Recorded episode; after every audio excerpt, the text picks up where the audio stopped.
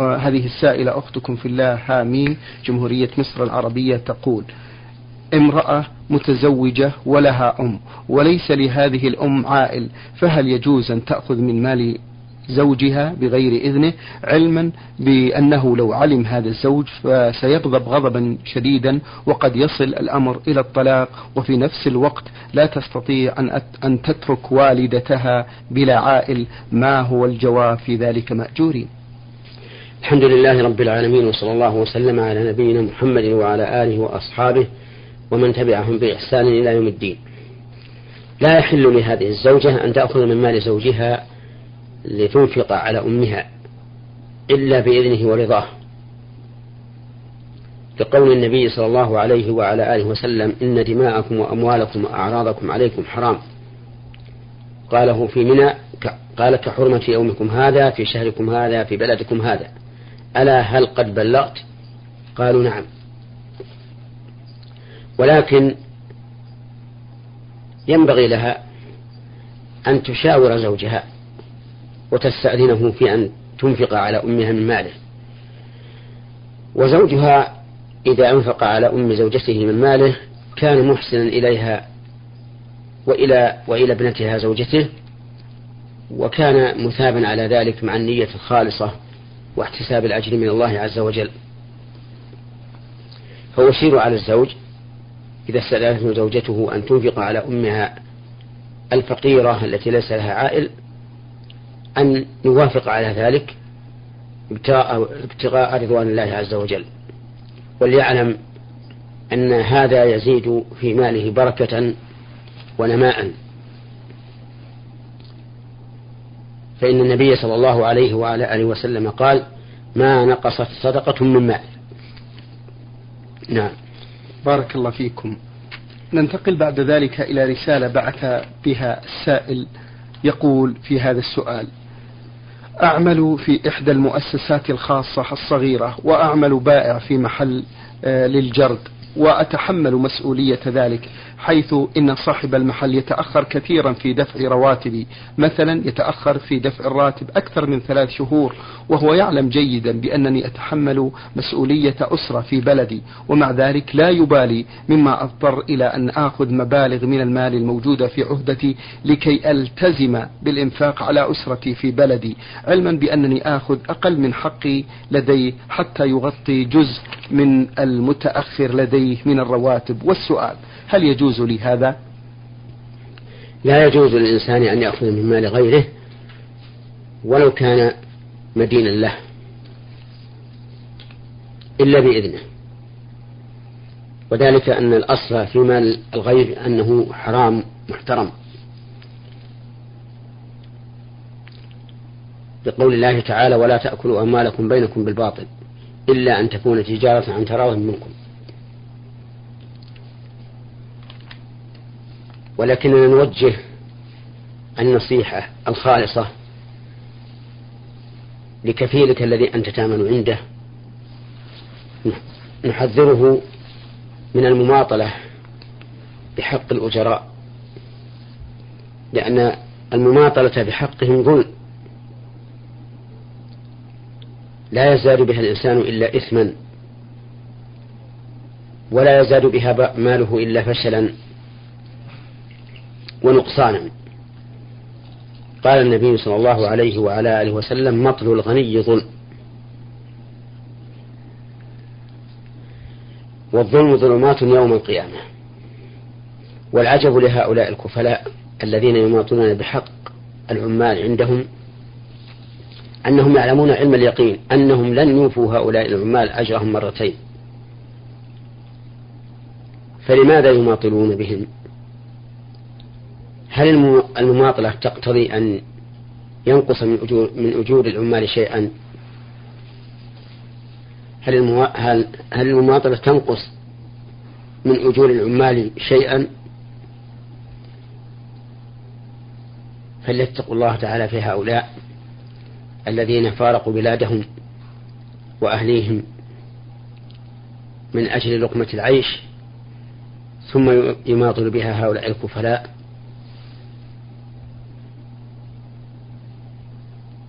لأن ذلك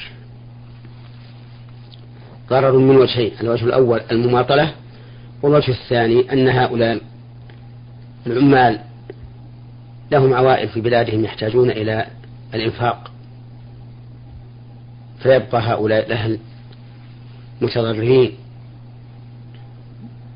لعدم دفع نفقاتهم من قبل عائلهم الذي موطل بحقه. ويا سبحان الله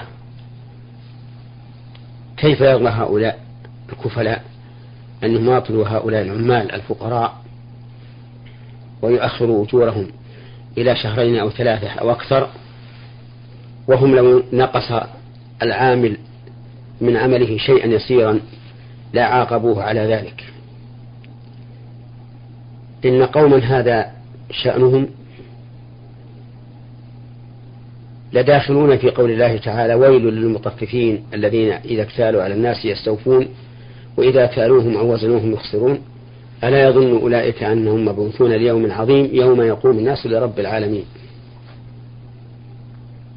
نسأل الله الهداية والتوفيق للخير لجميع المسلمين. آمين. نعم. بارك الله فيكم فضيلة الشيخ.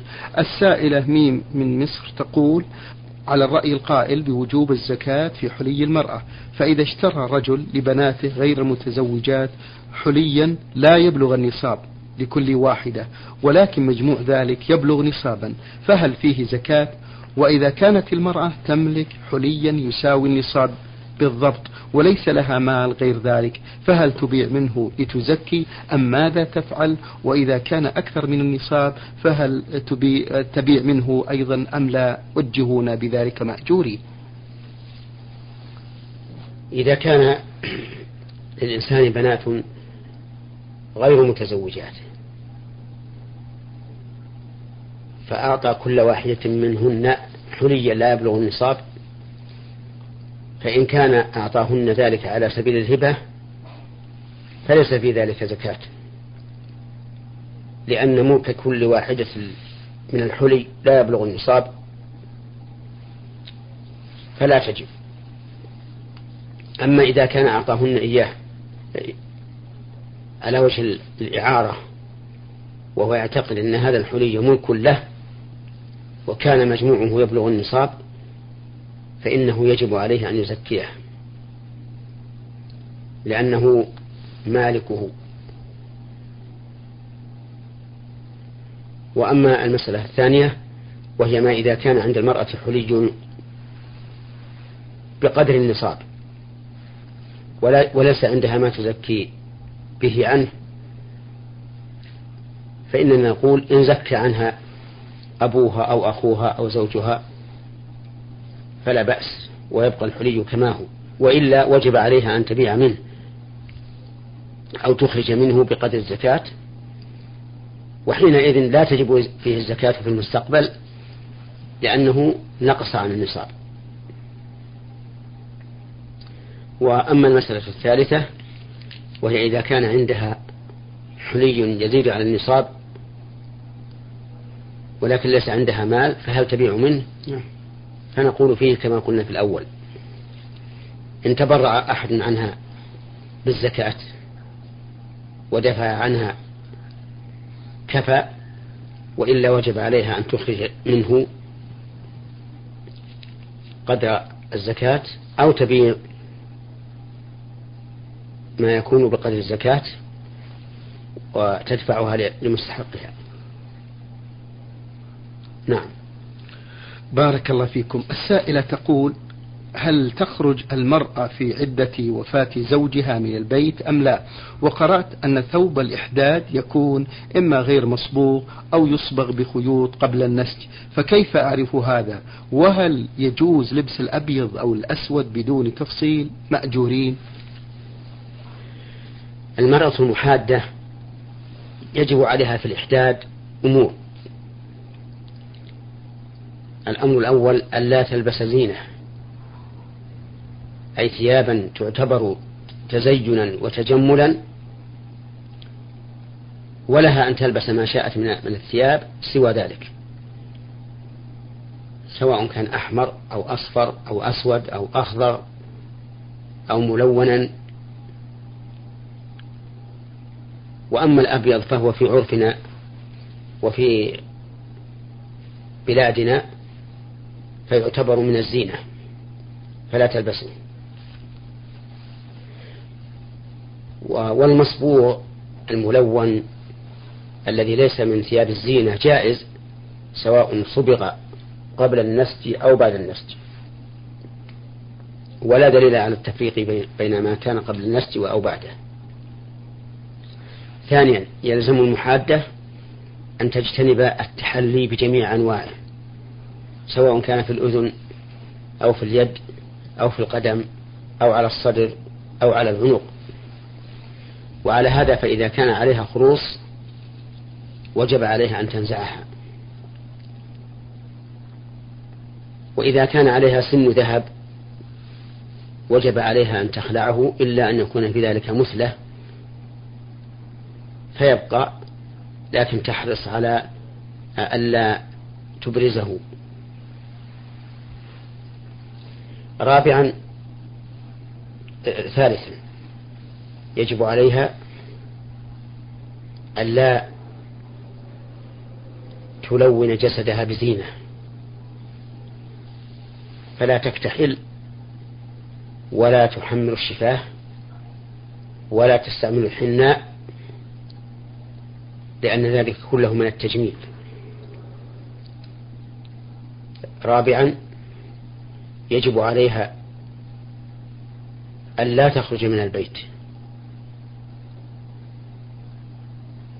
لا ليلا ولا نهارا.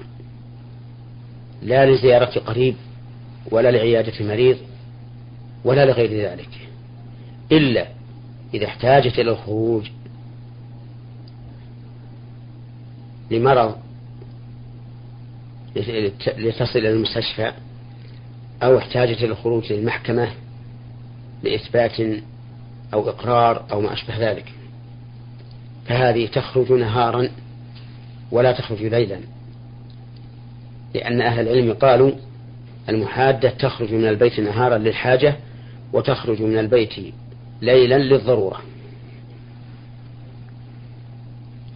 وأما مكالمة التلفون والرد على من قرع الباب ومشاهدة الرجال ودخول الرجال عليها فهي في ذلك كغيرها. ما حل لغيرها حل لها. وعلى هذا فيجوز أن ترد على التلفون ويجوز أن تخاطب من قرع الباب ويجوز أن يدخل في البيت من ليسوا بمحارم لها. كإخوان زوجها ونحوهم ولكن بدون أن, يخل... أن... أن تخلو بهم. وأما خروجها ليلا إلى سطح البيت أو إلى فنائه المسور فإنه لا بأس به سواء شاهدت القمر أم لم يكن هناك قمر. وأما ما اشتهر من العام عند العامة من أنها لا تبرز للقمر ليلا فهذا ليس له أصل. لا في القرآن ولا في السنة ولا في كلام أهل العلم. والإحداد واجب وقت العدة فقط.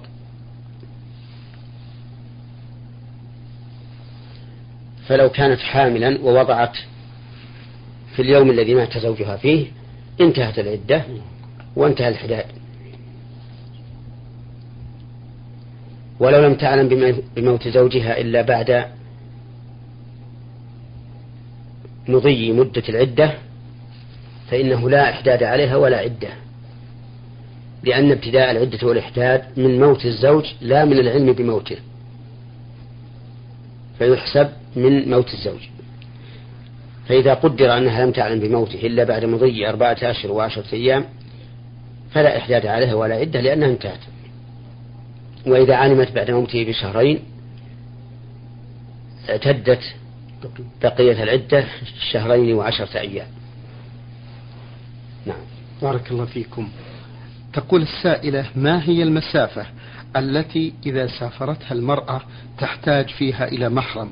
وهل يعتبر مسافة نصف ساعة بالسيارة سفر. إن النبي صلى الله عليه وعلى آله وسلم قال لا تسافر امرأة إلا مع ذي محرم. فما عده الناس سفرا فهو سفر. سواء طالت المسافة أم قصرت وما لم يعده الناس سفرا فليس بسفر.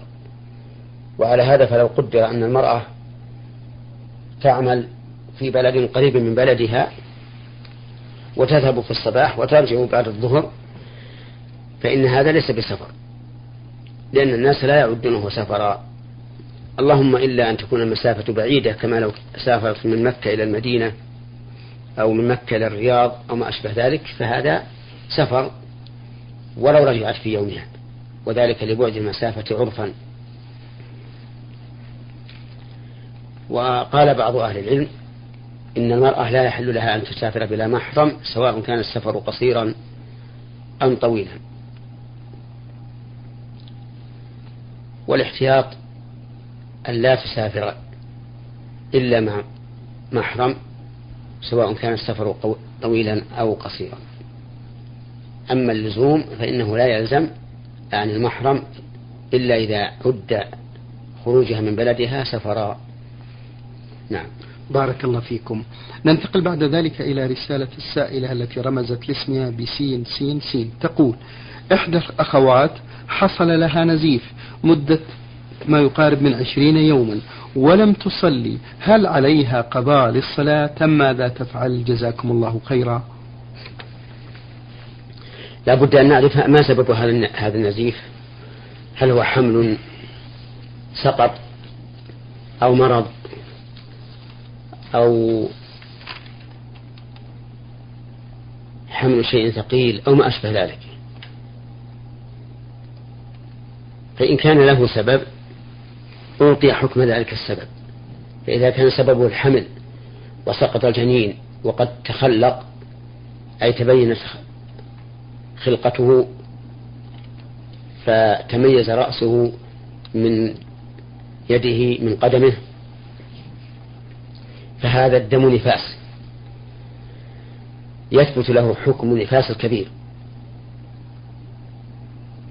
وإن كان سببه مرضا فإن هذا ليس دم حيض ولا نفاس بل هو دم حكمه حكم الاستحاضة. لقول النبي صلى الله عليه وسلم في دم الاستحاضة إنه دم عرق. وكذلك لو كان سببه حمل حمل ثقيل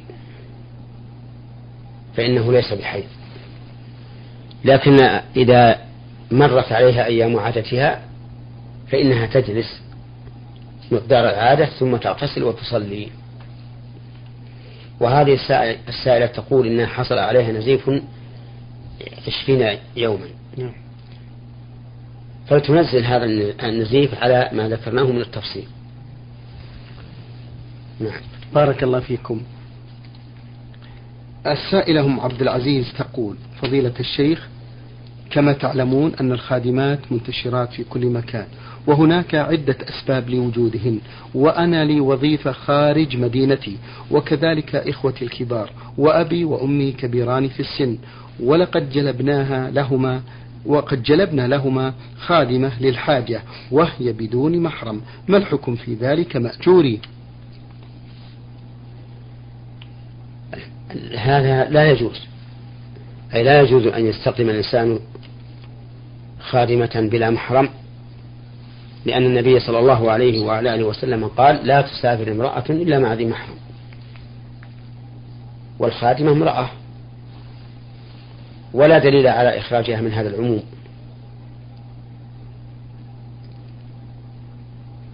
ويستصعب بعض الناس أن يجلب محرمها معها.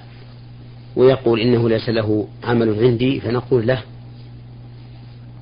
وإن لم يكن له عمل عندك لا بد أن يكون مع امرأته أو أخته أو عمته أو خالته. ويمكن أن تجد له عملا بقضاء حوائجك السوقية التي تحتاجها من السوق. وإذا كان صالحا لقيادة السيارة صار قائدا لسيارتك. المهم أنه إن وجدت له عملا فهذا هو المطلوب وإن لم تجد فعمله عمل امرأته التي جاء محرما معها. نعم. بارك الله فيكم. ننتقل بعد ذلك إلى رسالة السائل آه، سعيد مزين من أديس بابا أثيوبيا يقول في هذا السؤال سؤالي لأخت ولها خمسة من الأولاد وقد بلغوا الحلم ووالدهم قد مات قبل 13 سنة. وقد ظلوا وأولادها منذ فراق أبيهم تحت كفالة خاليهما. أعني أنا وأخي الكبير في كل ما يسد المعاش. وقبل سنة تطوع بعض أهل الخير بمبلغ من المال لشراء مسكن لها ولأولادها ولكن بسبب الانتظار لمزيد من المال استكمالا لما استلمناه سابقا فقد حال عليه الحول على هذا المال والسؤال يبقى هل تجب فيه الزكاة في هذا المال؟ مع أننا لا نأخذ منه شيء ولو لنفقتهم وما أشبه ذلك حتى لا ينقص لما عني له أريد التوضيح حول هذا. الزكاة واجب واجبة في هذا المال. لأنه إما مال المتبرع وإما مال آه، الأيتام وأمهم. فلا بد من إخراج الزكاة فيه حتى يشترى به عقار. نعم. بارك الله فيكم. السائل من سلطنة عمان يقول في هذا السؤال تبعد مدينتي عن العاصمة حوالي 350 كيلومتر وأنا أدرس في الجامعة ومقيم فيها وأيام العطل أي الخميس والجمعة أعود إلى مدينتي فهل يجوز أن أقصر وأجمع الصلاة وأنا مقيم في الجامعة؟ الواجب عليك أن تصلي مع الجماعة في المساجد. وحينئذ لا بد أن تتم. وأن لا تجمع. لكن لو فرض أنك فاتتك الصلاة الرباعية فلك أن تقصر لأنك في الحال التي وصفت مسافر. حيث لم تتخذ البلد الذي أنت تدرس به مقرا لك وسكنا. وعموم النصوص من الكتاب والسنة تدل على أن الإنسان مسافر حتى يرجع إلى وطنه. فقوله تعالى وإذا ضربتم في الأرض فليس عليكم جناح أن تقصروا من الصلاة. لم يقدر بمدة. فما دام ضاربا في الأرض أي مسافرا فيها فإنه يقصر الصلاة. ولم يحدد النبي صلى الله عليه وعلى آله وسلم لأمته حدا معينا بل أطلق وأقام عليه الصلاة والسلام إقامات مختلفة. فأقام في مكة عام الفتح تسعة عشر يوما يقصر الصلاة. وأقام في تبوك عشرين يوما يقصر الصلاة. وأقام في حجة الوداع عشرة أيام يقصر الصلاة. لأنه صلى الله عليه وسلم قدم في اليوم الرابع من ذي الحجة أي قدم مكة ولم يخرج منها إلا في صباح اليوم الرابع عشر. وقول بعضهم إن النبي صلى الله عليه وسلم أنشأ السفر من حين أن خرج إلى منى في اليوم الثامن وأن المدة التي يقصر فيها الإنسان صلاته أربعة أيام فما زاد عليها وجب عليه عليه الاتمام فيه. قول بعيد من الصواب. وذلك لأن لأنه لا أحد يعتقد أن الرسول صلى الله عليه وسلم حينما خرج من الأبطح إلى منى في اليوم الثامن أنشأ السفر مغادرا مكة. وكيف نقول إنه أنشأ السفر مغادرا مكة؟ وهو إنما جاء لهذا الغرض الذي يتعلق بمكة وهو الوقوف والمبيت والرمي والطواف. كيف نقول إنه غادر مكة قبل أن يأتي بالمقصود الذي سافر من إلى مكة من أجله؟ هذا بعيد جدا. ولهذا سئل أنس بن مالك رضي الله عنه كم أقمتم بمكة؟ يعني عام حجة الوداع قال أقمنا فيها عشرا. هكذا جاء في صحيح البخاري وغيره. ثم إنه من المعلوم أنه لو كان لو كانت مدة الإقامة التي ينقطع بها السفر ما زاد على أربعة أيام لبينه النبي صلى الله عليه وسلم بيان بيانا واضحا لأن هذا مما مما تتوافر الدواعي على بلاغه وعلى بيانه. بل لنا أن نقول إن الرسول صلى الله عليه وسلم بين بفعله وسكوته أن المدة لا تتغير بأربعة أيام. وجه ذلك أن الرسول صلى الله عليه وسلم قدم مكة في حجة الوداع صبيحة اليوم الرابع ولم يزل يقصر. ولم يقل لأمته من أتى قبل اليوم الرابع إلى مكة فعليه الإتمام. مع أن أنه من المعلوم أن من الحجاج من يقدم مكة في اليوم الرابع ومنهم من يقدمها قبل اليوم الرابع. ولو كان يلزم من قدم إلى مكة قبل اليوم الرابع أن يتم لبينه الرسول عليه الصلاة والسلام.